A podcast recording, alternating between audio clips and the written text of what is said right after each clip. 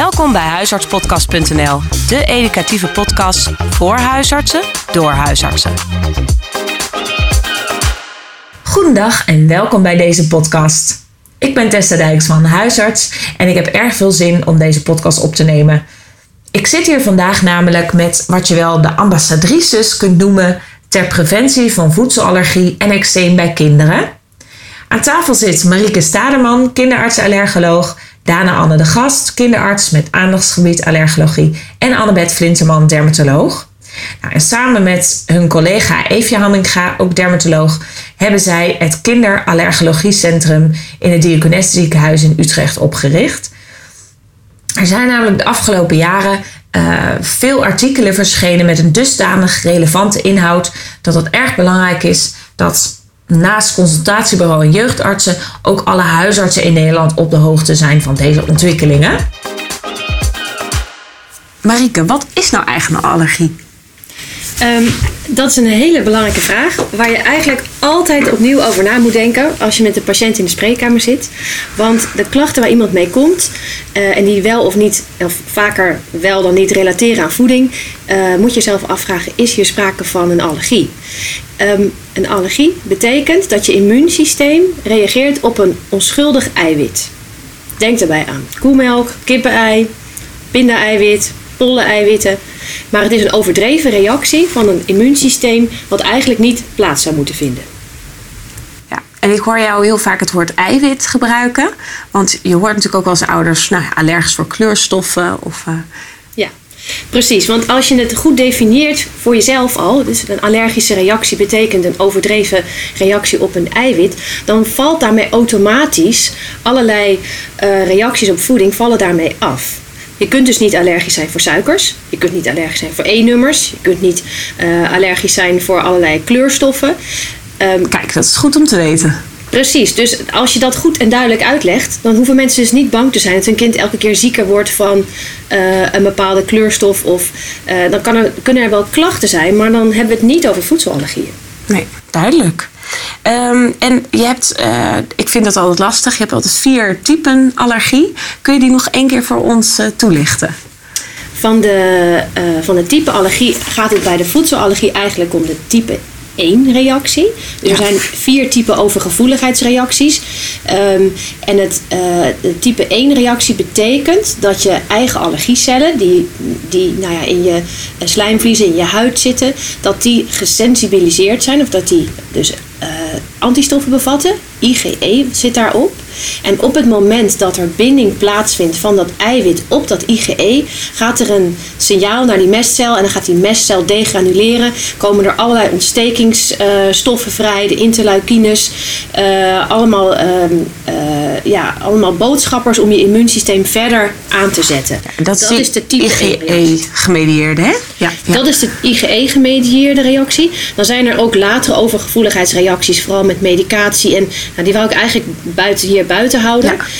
Uh, wat je wel moet weten is dat er ook niet IgE-gemedieerde reacties zijn. Ja. Die vooral bestaan op uh, koemelk. En die bestaan uit late klachten.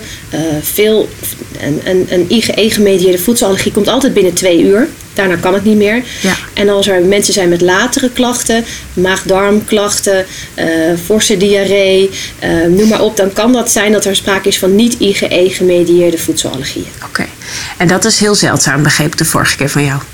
Nou, op koemelk bij baby's komt het met enige regelmaat voor. Okay. En het kan ook op soja. En er is een heel zeldzaam beeld, dat heet de, de Food Protein Induced Enterocolitis, ja? FPIES.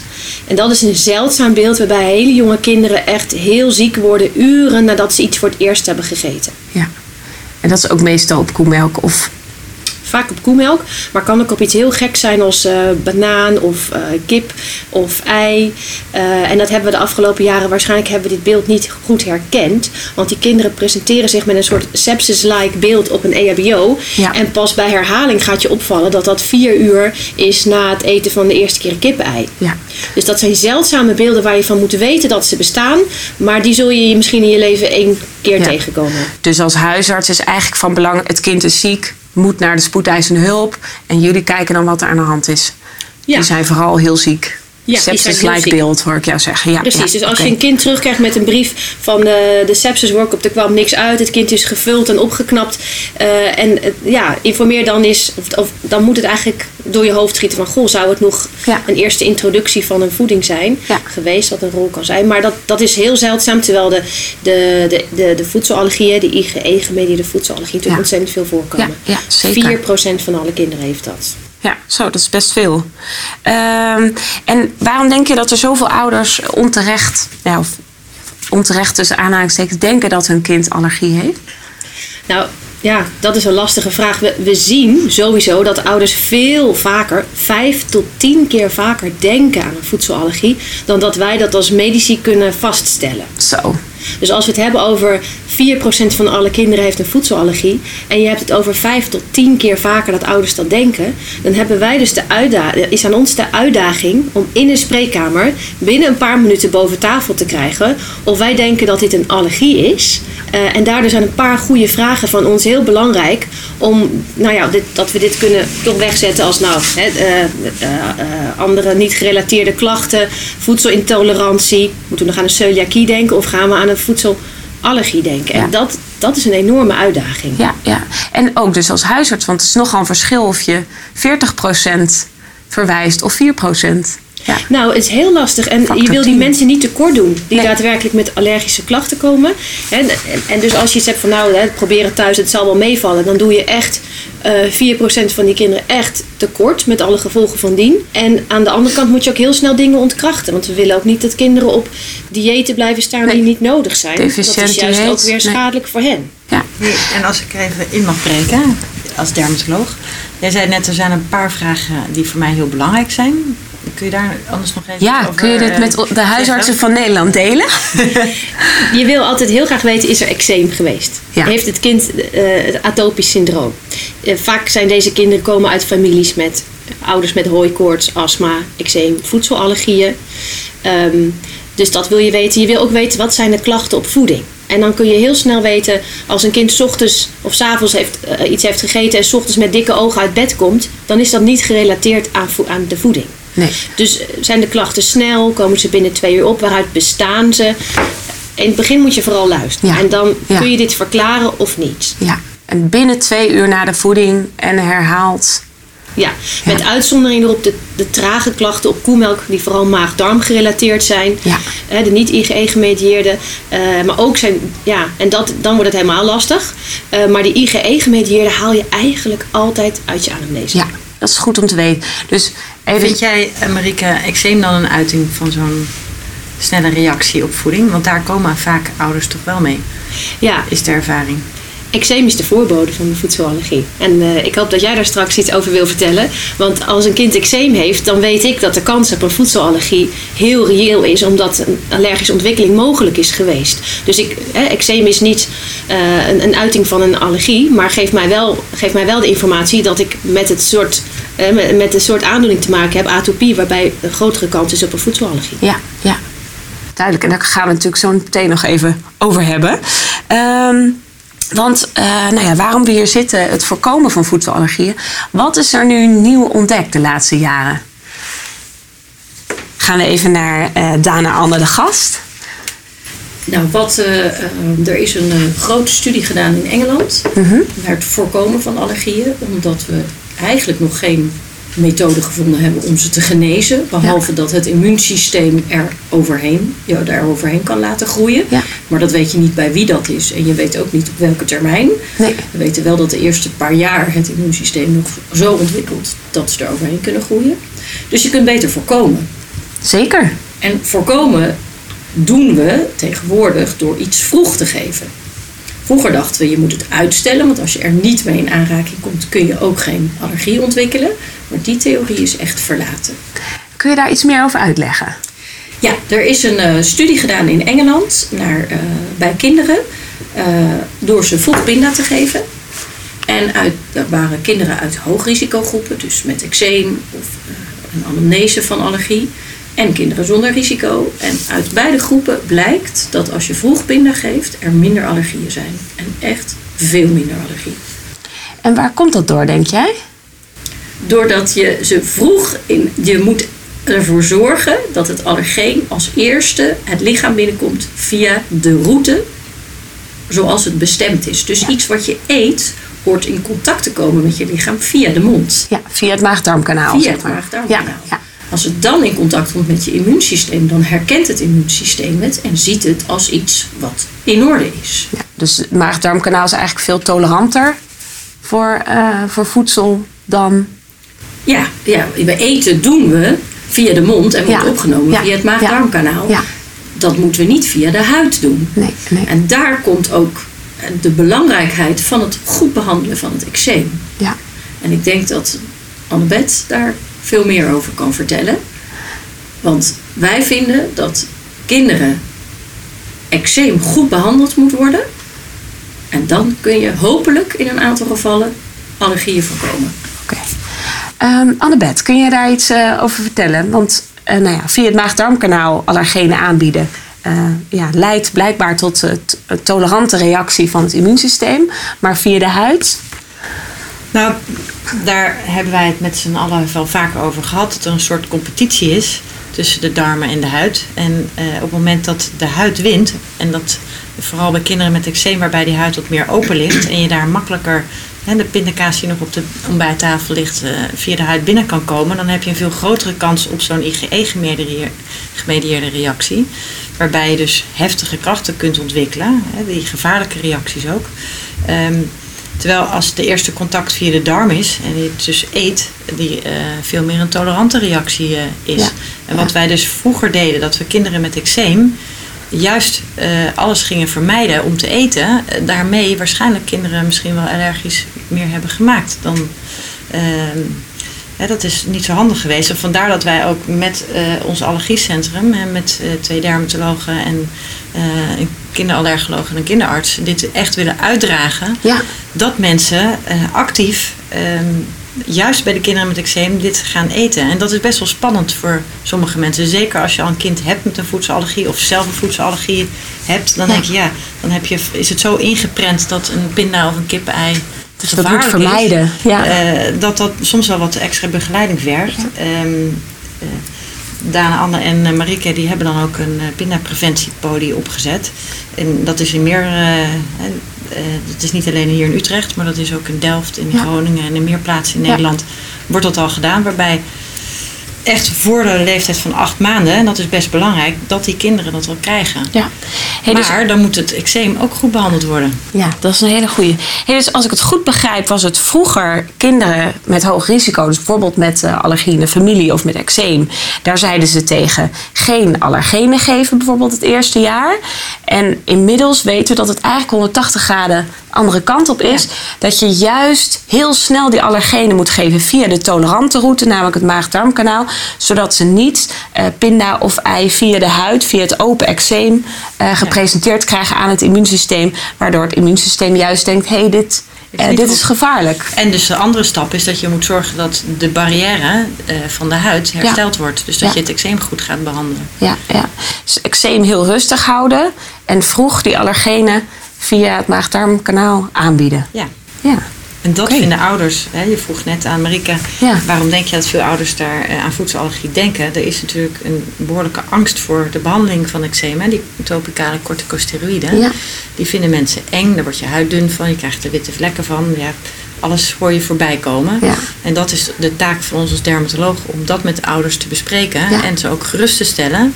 Dat, hè, dat staat ook in de huisartsstandaard. Dat je mag eh, bij een kind onder de twee jaar mag je tot 30 gram per week aan klasse 1 en 2 Dat is één tubetje. Dat is een tubetje per week. Nou, als je dat aan ouders zegt, dan vinden ze dat al behoorlijk veel. Ja. Ehm, maar dat is dus allemaal veilig. ja, ja. En dan is het wel belangrijk om de zalf voor te schrijven.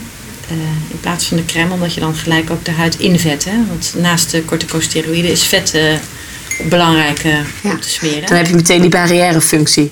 Ja. Mag ik een vraag aan jou stellen? ja, natuurlijk. Want ik vind dat jij het zo goed uit kan leggen over dat oplichten van de huid. En dat, eh, sinds jij me dat zo goed hebt uitgelegd, leg ik dat ook elke keer in de spreekkamer Het uit. oplichten van de huid. Het wit worden van de huid. Moet je Oh, bang ja. zijn voor het krijgen van pigmentvlekken of witte vlekken op je huid waar je hormoonzalf smeert? Nee, want wat er gebeurt als je eh eczeem hebt, is het vaak rood. En eh, nog een zijstapje. Als je dan zalf smeert of een kind in bad doet, dan wordt het extra rood. Dus dat weerhoudt sommige mensen al van om te smeren of het kind in bad te doen. Ehm, maar dat is in feite het eczeem. Hè? En dat zien Ja. mensen soms niet altijd goed. Huisartsen vinden het soms ook lastig om dat te herkennen. Maar als je dat dan eenmaal hebt ingesmeerd met een corticosteroïd, dan trekt die roodheid en ontsteking uit de huid weg. En wat er vaak overblijft is een witte vlek.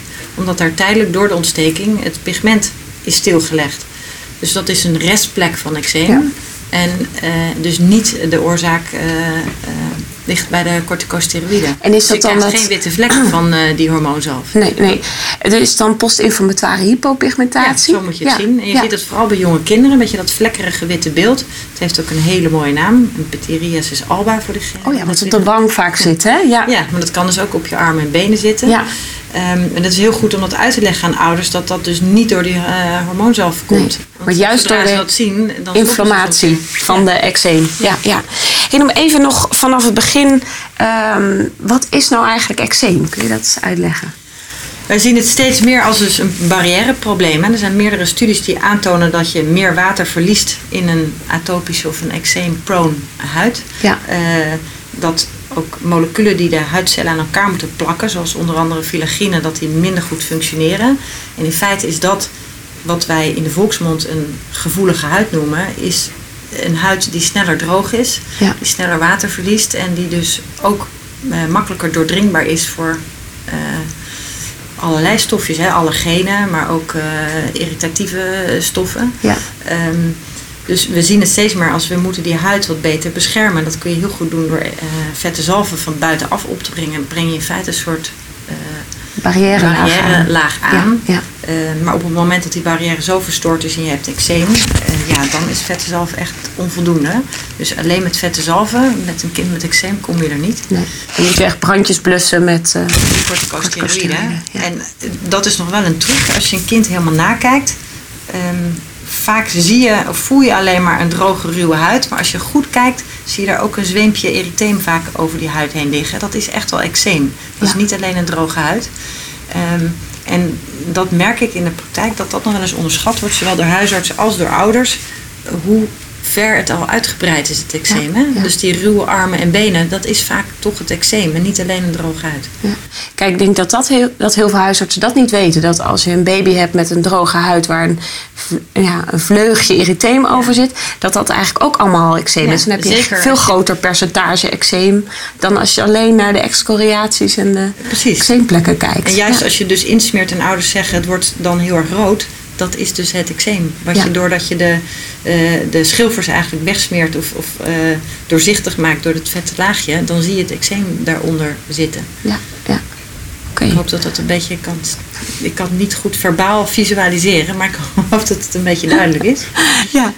Hey, en ehm, er zijn ook wat betreft eczeem ehm, nieuwe ontwikkelingen. eh, ja, hoe je misschien eczeem kan voorkomen. Kun je daar iets over vertellen?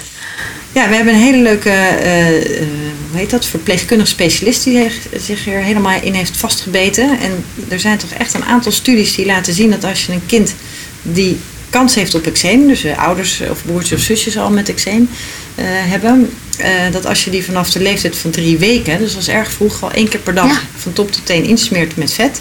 En het maakt eigenlijk niet uit met wat voor vet, dat je daarmee de helft van de kinderen eh, die eczeem krijgen kunt voorkomen. Dus dat is heel erg veel. 50% vermindering van eczeem. Ja, dat lijkt er nu wel zo op te zijn. Doordat je die huidbarrière op een vroeg stadium beschermt en herstelt, Ja. dat de kans dat dat eh, eczeem ontwikkelt, dat dat in vele malen minder is. En om even te vergelijken, de studies die suggereren dat borstvoeding tot zes maanden eczeem kan voorkomen, Ja. die gaan van geloof ik 21 naar 18 procent. Dus het effect van zes maanden borstvoeding is echt veel minder dan gewoon één keer per dag insmeren met vet. Ja. En wat is dan jouw persoonlijke voorkeur qua... eh, qua Qua vet, nou vaseline paraffine, ja? is, eh, dat smeert heel fijn en dat Ja. stinkt niet zo heel erg. Dus dat vinden ouders. Ja, ik weet Ja, ik zie daar een ander heel graag wil invoegen. Ja. Nee, dat, dat horen we ook terug van ouders. Hè. Ja. Je, als je wil smeren, moet het iets zijn wat lekker smeert. Ja. Kijk, oudere kinderen vinden het erg als het glimt, maar daar heeft een baby geen last van. En je moet eigenlijk iets geven wat makkelijk smeert, Eh, en dan doen ouders het ook. En als je uitlegt, ik heb dit van Annabeth geleerd. Ja. Ik leg dit ook uit. Ik leg het inmiddels ook uit op de kraamafdeling waar ik als kinderarts kom. Ja. Moeders zien met ernstig eczeem. Die geef ik eigenlijk meteen het advies mee van begin nou met insmeren van Ja. je dochter of zoon bij Ja. drie weken oud. Want je kunt eczeem voorkomen. En daarmee ook het ontwikkelen van een voedselallergie. Ja. En nou, tot nu toe horen wij van ouders terug dat ze heel blij zijn met die adviezen. Ja, fijn. Die paraffine vaseline zelf, die, die, nou, die kennen wij als huisarts wel. Ehm, vooral voor, eigenlijk voor oudere dames op de onderbenen, omdat het zo makkelijk smeert. Maar dat is voor baby's dus ook een goeie. Ja. Ja. En als glijmiddel, maar dat is staat hier los van. Ja, ja, dat is even een zijstapje. Maar je kunt het inderdaad ook voorschrijven bij postmenopausale vrouwen als glijmiddel. Mocht je geen condoom gebruiken. Want eh, ja, met een condoom moet natuurlijk alles op waterbasis. Maar goed, dat Maar daar is het zij-. Knippen we eruit. dat we die verbinding Ik naar de er goed op houden. Mag ik nog iets over borstvoeding zeggen? Ja, natuurlijk. eh, Eh, Hier. Oh, Ja. Ehm, als ik nog ehm, even mag terugkomen op de borstvoeding. ehm, want daar krijg je natuurlijk ook heel veel vragen over. We hebben in Nederland nu een richtlijn dat we vanaf vier maanden eh, beginnen met introductie van bijvoeding, van hapjes. En dan al vrij snel de kippen-ei en de pinda introduceren. En dat strookt niet met eh, de WHO-verklaring dat je tot zes maanden exclusieve borstvoeding moet geven. Het kan geen kwaad om je te realiseren dat die WHO-verklaring eh, dan bij, vooral voor ogen heeft om kindersterfte in ontwikkelingslanden terug te brengen. Omdat zodra er van borstvoeding wordt overgegaan naar vervuild drinkwater, daar dat eh, aan een enorme morbiditeit en mortaliteit van kinderen is gekoppeld. Ja. En daar hebben wij gelukkig geen last van. Dus ehm, onze richtlijn eh, vanaf vier maanden start met bijvoeding, dat is eigenlijk de adequate Nederlandse richtlijn. En hoe zit het dan met borstvoeding? Want moeders doen zo hun best om die borstvoeding vol te houden. En wat is nou zo jammer? Borstvoeding voorkomt geen voedselallergie. Borstvoeding denken we nog steeds is de beste voeding en beïnvloedt waarschijnlijk ook heel erg je microbioom. Ja, Ja. Alle micro-organismen die op en in je lichaam zitten. Ehm, dus, en, en, eh, maar wat nou precies eh, de- het voordeel van borstvoeding is, weten we eigenlijk niet. We zien alleen helaas dat al die borstgevoede kinderen, eh, dat, het, dat die alsnog op het eerste flesje koemelk reageren op, op de eerste boterham met pindakaas, als dat niet vroeg geïntroduceerd is. Ja. Dus we pleiten er zelfs voor vanaf vier maanden. Ga door met die borstvoeding als het lukt. Maar ga er ook zelfs hapjes kwark bij geven. Eh, of wissel eens af met een gewoon flesje koemelk. Ja. Ehm, om toch vanaf vier maanden dat kind aan alle allergenen te gaan wennen. Ja, dus ook dat die melk alvast via het, de koemelk, zeg maar, via het maag-darmkanaal eh, naar binnen Ja. gaat. Via de tolerante route. Ja, want dat is nog een ander voordeel. Dat zei dus ook in dat artikel. ehm, dat, eh, dat je dan de vader s'avonds het flesje kan geven. En dan kan de moeder wat langer slapen. Dat is ook voor de, nou ja, voor de ouders heel fijn. Zeker, heel fijn. Ja, Ja, avond, ja avond daddy bottle. de daddy Ja. bottle. Ja. Ja, oké. Ehm, nog heel even de samenvatting van het eh, preventie van eczeem. Ehm, wat ik van jou begrijp, Annabeth, is dat ehm, het eczeem eigenlijk eh, nou ja, is dat je, eh, de barrièrefunctie niet goed is. Als je vanaf drie weken zorgt dat je die barrièrefunctie exogeen aanbrengt door bijvoorbeeld paraffine vaseline zalf of een andere indifferente zalf, dagelijks te smeren, kan je voorkomen dat die ontstekingsprocessen, inflammatie van de eczeem tot stand komen. En kun je dus tot 50% van de eczeem voorkomen bij, bij baby's en kinderen. Nou, daar kan ik geen spel tussen krijgen. Dat is helemaal juist. Nou, dat klinkt fantastisch. Ja, En Annabeth, wat adviseer jij over gebruik van zeepen en, en lekker ruikende nou ja, parfums of snoeten, doekjes of noem maar op? Ja, liefst parfumvrij, maar eh shea butter, eh, eh, sommige mensen vinden het lekker ruiken, kun je ook gebruiken als het maar lekker vet is. Ehm, dus dat maakt in feite niet zo heel erg veel uit. En over het wassen heb ik wel nog wat te zeggen. ja. Ehm, het is zelfs aangetoond dat het goed is voor kinderen met eczeem of een slechte huidbarrière om wel dagelijks in bad te gaan, waarbij je alle allergenen even afspoelt. En dan is een bad beter dan de doucher. Ehm, dan weekt de huid echt. En als je er een gescheutje olie in doet, dan voed je in feite de huid ook al. Ehm, dus het is juist aan te raden om wel elke avond, of in ieder geval niet heel strikt te zijn eh, eh, met het eh, beperken van het badderen. Oh, Met name in de zomer. Ja, interessant, want eh, dat is nieuw voor mij. De, ehm, eh, ja, wij, leren, of wij leerden eigenlijk als huisarts van niet te vaak in bad, hè, bij, niet te vaak onder de douche. Bij constitutioneel eczeem. En eh, niet te heet, niet te lang. Eh, maar even afspoelen van de allergenen in een badje voor baby's is Ja, dus en wel aan te raden. voor in de zomer. Hè? Ja. Iedereen moet verplicht eh, weten hoe vaak zonnebrand. Spoelt lekker af, s'avonds in een badje. Ja, ja, ja. En dan met wat olie en dan eventueel nog even wat vet daarna. Dan, dan ben je goed bezig. En wat voor olie zou jij dan aanraden? Ja, Groninger badolie. En verder zal ik geen merken noemen. Maar Nou, Groninger badolie kun je inderdaad bestellen bij de, bij de apotheek. Het gaat op recept. Dan krijg je zo'n hele grote ja, eh, soja oleum. soja oleum. Ja. En eh, wat is het verschil tussen die olie en andere olies? Het moet vooral een olie zijn die mengt met het badwater. Niet die Ja. erop gaat drijven. Dus die een soort laagje achterlaat op de huid. Dus weer die barrièrefunctie weer Ja. intact maken. Als we nou die huid goed smeren bij die baby. Ja? En dan vroeg kippenei en de pinda gaan geven. Waarvan het inmiddels bewezen is dat je echt allergieën kunt voorkomen. Ja. En hoe langer je wacht, hoe groter de kans wordt dat ze uiteindelijk toch een allergie ontwikkelen. En ook dat is aangetoond. Dat Ja. als je na de leeftijd van acht maanden wacht, wordt de kans op het ontwikkelen van een allergie per maand hoger. Zo. En dan, dat zien jullie door het specifieke IgE eh, in Ja. het bloed? Of Alleen IgE bepalen zegt helaas niks. nee? Want je kunt gesensibiliseerd zijn, zowel in de huid, dus met een positieve huidtest, als in je bloed. Maar dat zegt nog niets of je daadwerkelijk een allergie hebt of niet. Ja, als je iets eet en je krijgt een reactie en je bent gesensibiliseerd, dan mag je hoogstwaarschijnlijk zeggen dat je een allergie hebt. Maar alleen sensibilisatie zegt alleen dat er een risico is op Ja. een allergie. Nou, dit is nog een heel goed onderwerp, wat ook heel veel huisartsen lastig vinden. En eh, nou ja, wat, eh, eh, wat gelukkig tegenwoordig wel wat breder verspreid is. Dat, nou dat je eigenlijk voor voedselallergieën geen IgE moet prikken als huisarts. Omdat dat niet zoveel zegt, maar gewoon een goede anamnese met die, met die drie vragen die we eerder al besproken hebben. Je mag je anamnese wel, als je een goede anamnese hebt, Ja. waarbij herhaaldelijk op hetzelfde voedingsmiddel Ja. een reactie optreedt. Binnen twee uur? Wel Binnen twee uur, Ja. iedere keer na het eten van hetzelfde voedingsmiddel, Ja. kun je natuurlijk zeggen: ik doe een specifiek IgE. Ja. En kan je de dingen aan elkaar koppelen. Maar als je het niet zeker weet, kun je beter met de kinderarts, allergoloog of een kinderarts die in dit aandachtsgebied heeft, eerst overleggen. Want misschien speelt er nog wel iets anders waar je op dat moment niet aan hebt gedacht. Ja.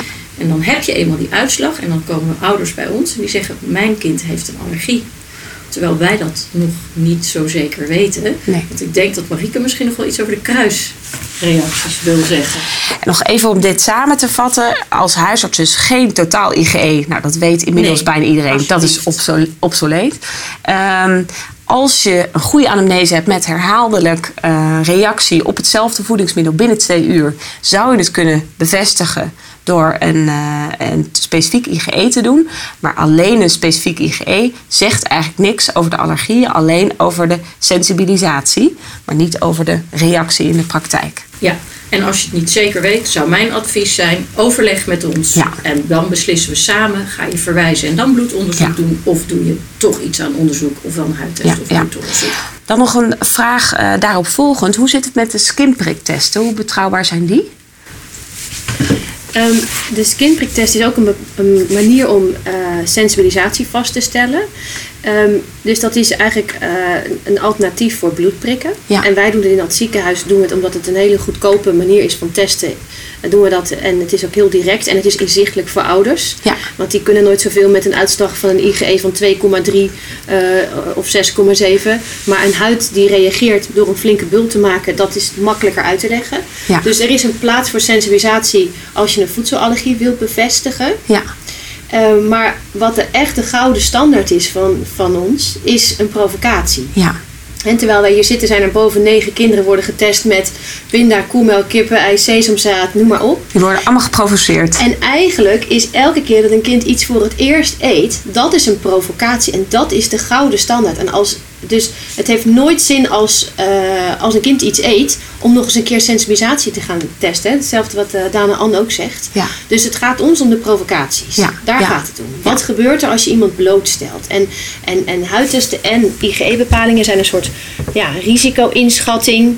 eh geef je een soort statistiek van hoe groot de kans op een reactie is. Ja. Maar stel je hebt een, een baby van vijf maanden met mild eczeem, Ja. dat goed onder controle is. Ja. Met ouders die geen pinda durven te introduceren. Dan kun je een huidtest doen. Is die negatief, dan gaan ze thuis introduceren. Ja.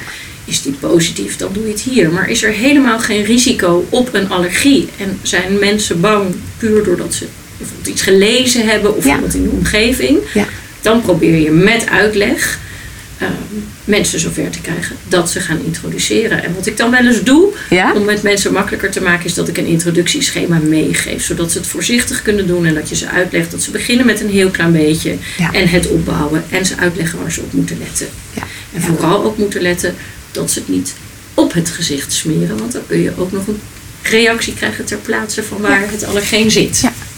Want dat is nog meteen een eh, ehm, leuke persoonlijke anekdote. Ik heb dus bij mijn zoontje eh, gedaan. Hè, die pindakaas door de voeding en gegeven. Hij is nu vijf maanden. En hij krijgt natuurlijk om zijn mond. En daar, nou ja, als, er, als hij al een beetje eczeem hebt, dan is het misschien daar. Is dat nog gevaarlijk? Nee, dat is niet gevaarlijk. Oké. Maar wel een reden dat het vaak niet lukt, hè? Ja. De Ja. thuisintroductie. Ja. Dat is vaak een reden dat ouders ons bellen. Ja. eh, Een hele fotocollage naar ons sturen. Wat heel lastig te beoordelen is. Een platte foto. Ja? eh, maar ze het niet meer durven thuis. En dat is nog zo goed als je probeert uit te leggen. Geef een hapje in de mond. Ja. Niet de huid. Probeer die handen uit de mond te houden. Ja. Dat wil soms niet lukken. En Nee. dan doen we ze toch hier. Met begeleiding erbij. Zodat ze het zien. Dat kost tijd. Want Ja. je moet die ene provocatie hier doen. Maar je wint er ook tijd mee. Want alle andere durven ze vervolgens wel thuis te doen. Ja, en vaak laat ik daar nog drie dagen een klasse 2 hormoon zelf om de mond smeren. Ehm, en leg ik gewoon heel duidelijk uit wat een contactreactie is. Maar als je dat niet doet en mensen zien reactie, dan wordt dat allemaal weggezet als voedselallergisch. Ja, ja. En de klasse 2 eh corticosteroïd rond de mond. Nou ja, dat, dat durven denk ik ook heel veel huisartsen niet. Want wij leren dan, hè, eh, hydrocortison klasse 1 is voor baby's en voor in het gezicht. Eh, maar we hoeven dus niet zo bang te zijn. Nee. Nou vind ik bij kinderen onder een jaar moet je, eh, gaan we natuurlijk geen dermovaten, hè, klasse Nee. 4 smeren. Nee. Ehm, dat vind ik gewoon, dat hoort niet. En een klasse 3 vind ik eigenlijk ook meer iets voor de dermatoloog. Ja, Eh, maar kortdurend een klasse 2 of zelfs twee, drie keer per week als onderhoud vind ik geen eh, bezwaar hoor. Wat ik al zei, 30 gram is eh, van klasse 1 of 2 per week is het maximum. Ja. een heel tubetje per week. Nou, Ja. kom, kom je niet zo snel aan. Nee, nee. Ehm, het is wel belangrijk dat als je die thuisintroductie, als dat gelukt is, dat je het blijft geven. Want dat, ehm, toen wij hiermee begonnen, vier jaar geleden met vroege introductie, waren we daar nog minder op gespitst dan nu. Maar we hebben ook intussen al gezien dat als een kind hier zonder problemen boterham met pindakaas eet, maar dat thuis niet door wordt gezet. En dat is best wel voorstelbaar, want de kinderen die hier komen hebben vaak al een pindaallergie in hun familie. Of een, eh, dus daar moet al creatief mee omgegaan worden.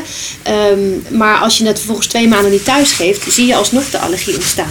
Ja. En, en iets wat ik afgelopen vrijdag op congres hoorde, ik dacht, dat vond ik ook wel echt. En mensen zeggen soms, oh, dan af en toe kijk ik of het nog kan en dan smeer ik pindakaas op de huid. Ehm, afgelopen vrijdag hadden we het Oh. kinderallergiecongres. Ja. Maar als ze muizen pindaallergisch willen maken, Ja, dan smeren ze pindakaas op de oren. Dan. Zo kweken zij pindaallergische muizen. Dus Ja. dat, eh, nou ja, dat maar eventjes om, in te, eh, om Ja, aan te geven wat. Ehm, dus als je het eenmaal geïntroduceerd hebt, de eh, pinda of de kippenei, ehm, dan twee keer per week blijven geven. In twee keer per week. Oké, Ja, ja, ja, ja. boterham met pindakaas gewoon twee keer per week. Ja. Super gezond broodbeleg. En een ei zit ook in de Nederlandse keuken. Maar wel belangrijk dat je echt het kind eerst heel goed tolerant hebt voor gebakken, verwerkt of gekookt ei. Dat je niet direct zo'n zo'n omelet eh, bakt die aan de bovenkant snotterig is. Want, want we willen Ja. echt dat eiwit goed verhit aanbieden. Ja, ja, ja. Dus eerst goed doorbakken ei en dan eh, door de babyvoeding. Ja, Ja. En dan en dan komen ouders terug. geven. Ja, en wat nu? Ja, En eh, daarover ja, hebben we zoiets van, ja, eigenlijk willen we daarna wel door met de notenpasta's. Daar is geen medisch bewijs voor. Er zijn geen studies naar en we weten ook niet dat die op korte termijn gaan komen. Nee. Maar waarom zou het nou heel anders werken met de opbouw van tolerantie voor cashewnoot of walnoot? Ehm, dus eigenlijk zijn we ervoor om notenpasta's ook snel in het dieet te introduceren. Maar dat vraagt een beetje een cultuuromslag. Want dat is nu iets. eh, niemand gaat naar school met een boterham met cashewnootpasta. Nee. Maar ehm, ja, eigenlijk zijn we er wel voorstander van. Om, eh, en dan zeg je dat moet eigenlijk ook voor de acht maanden. Nou, dat lukt eigenlijk niet. Het is al heel wat als je pinda en je kipei voor de acht maanden lukt. Maar Ja. als het goed gaat, dat zeggen we nu ook in het Nederlands advies. Ga door met de notenpasta's. Wacht niet tot ze drie, vier Nee. zijn. Pak gewoon door. Ja, dus allemaal naar de reformwinkel en cashewnotenpasta, hazelnotenpasta en eh, sesam ook nog. Nutella. Oh ja, dat is waar. Het is wat lekkerder. Hè? Ja, Vinden heel veel kinderen wel lekkerder, ja. dat is ook een merk natuurlijk. Maar eh, Nee, je wilt liefst al die allergenen zo snel mogelijk aanbieden. Ja. En je hebt natuurlijk een normaal beloop van ontwikkeling van eten bij een kind. En ook diëtisten zullen dat aangeven. Dat het goed is om vroeg te beginnen met smaak, textuur, verschillende dingen. Omdat een kind dan dat ook goed kan ontwikkelen. Als je lang ze niets aanbiedt behalve melk, dan weigeren ze ook. Omdat ze Ja. niet gewend zijn aan smaak en tex- textuur. ja, Maar het is belangrijk dat je na de koemelk, de kippenei en de pinda de noten gaat doen. De vis, sesam. Dus alle allergenen één voor één introduceren. En als je normaal gevarieerd dieet hebt in Nederland, moet dat ook goed komen. ja, ja. En eh, doe je dat dan ook met zo'n opbouwschema? Want eh, nou ja, kinderen die eh prone zijn, die krijgen van het consultatiebureau zo'n mooi briefje. Hoe je dan de pinda en de ei moet introduceren. Werkt dat voor deze allergenen ook? Of is dat gewoon op een gegeven moment aanbieden? En, Het bewijs is er voor de pinda en de kippenei. ja, Voor de rest hebben we geen bewijs. Nee. En dat is denk ik ook heel individueel bepaald. Sommige dingen gaan echt natuurlijk in je dieet. ja, We realiseren ons allemaal niet dat er best wel wat soja in onze voeding zit. Dat gaat er op een natuurlijke wijze, komt dat erin. Ja. En dat zal ook met heel veel andere dingen zijn. Kinderen uit nature proeven eerst bij ouders van hun bord. ja. En vervolgens nog een beetje en nog een beetje. Dus ik denk dat het grotendeels natuurlijk gaat. Dus die notenpasta's hoeven niet eh, stapsgewijs in de babyvoeding gemengd te worden. Het mag, maar het hoeft niet. Je kan ze denk ik beter een boterhamnummer geven. Ja, ja, ja. En Annabeth, wat zou jij als dermatoloog nou aan de huisarts willen meegeven? Wie moeten wij bijvoorbeeld verwijzen? Ehm, nou, wat ik heel graag mee zou willen geven is dat kinderen, jonge kinderen met eczeem, en dan bedoel ik tussen de vier en zes maanden, Ja, eigenlijk bijna allemaal verwezen worden. Zodat we A, eh, eerst het eczeem goed kunnen behandelen en daarna we ook de tijd hebben om die kinderen te introduceren en ze zodanig iets kunnen, eh, dat ze iets willen eten, dat wij ook die pinda- en kippenei kunnen introduceren. Want Ja. op dit moment, dat heeft eh, onze verpleegkundige specialist uitgezocht, is de leeftijd zeven maanden voordat ze bij ons komen. En dan hebben wij eigenlijk heel erg stress om dat allemaal nog voor de leeftijd van acht maanden te bolwerken. Ja. Dus als kinderen tussen de vier en zes maanden met eczeem verwezen kunnen worden, dan kunnen wij een heel stuk van die voedselallergie voorkomen. ja duidelijk. Ehm Dana Anne, kan jij daar nog iets eh, over zeggen? Over dat eh, introduceren van eten überhaupt en daarna de allergenen? Ja, voordat wij pindakaas of kippenei kunnen geven, is het natuurlijk wel belangrijk dat een kind al een keer iets in zijn mond heeft gehad. Of in Ja. haar mond met een lepel. En je merkt in de praktijk dat het best lastig is. Sommige kinderen eten in één keer alles. Maar er is ook een hele grote groep kinderen die echt moet wennen aan smaak, textuur. Het is anders. En als je dan nog bij, vier, ma- bij zes maanden nog niks gegeven hebt. En wij willen graag binnen twee maanden de en de kippenei geven. Heb je een enorme uitdaging. Eh, Het duurt vaak echt een paar weken voordat een kind een half potje eet. Dus ongeveer 50 gram. Ja, Eh, en daar heb je tijd voor nodig. Ja. Dus wij geven graag mee bij vier maanden. Begin met groenten, vervolgens met fruit. Eén ding tegelijk.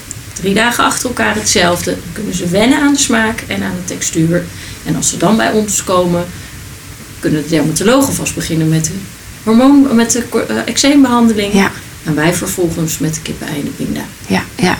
Dus eh, echt met vier maanden al met die hapjes proberen, want dan leren ze een beetje eten. En dan kun je, heb je ruim de tijd om voor zes maanden, eh, nou ja, dat ze echt een half potje eten. En daar kan je dan die pindakaas en die gebakken ei eh, doorheen mengen. Precies. Ehm Marieke, heb jij nog toevoegingen? Die zou Ja, willen meegeven aan de huisarts of wie wij moeten verwijzen? Eh, ja, eentje wel. Ik denk dat eh, als een ouder eh, zelf een ernstige allergische reactie heeft doorgemaakt, of al eerder een kind heeft met een ernstige allergische reactie, dan doet dat iets in hun basisvertrouwen. Eh, en, en gaan zij niet vanuit dat het wel losloopt. En wat je dus ziet ook, je loopt bij vroege introductie ook tegen angst aan.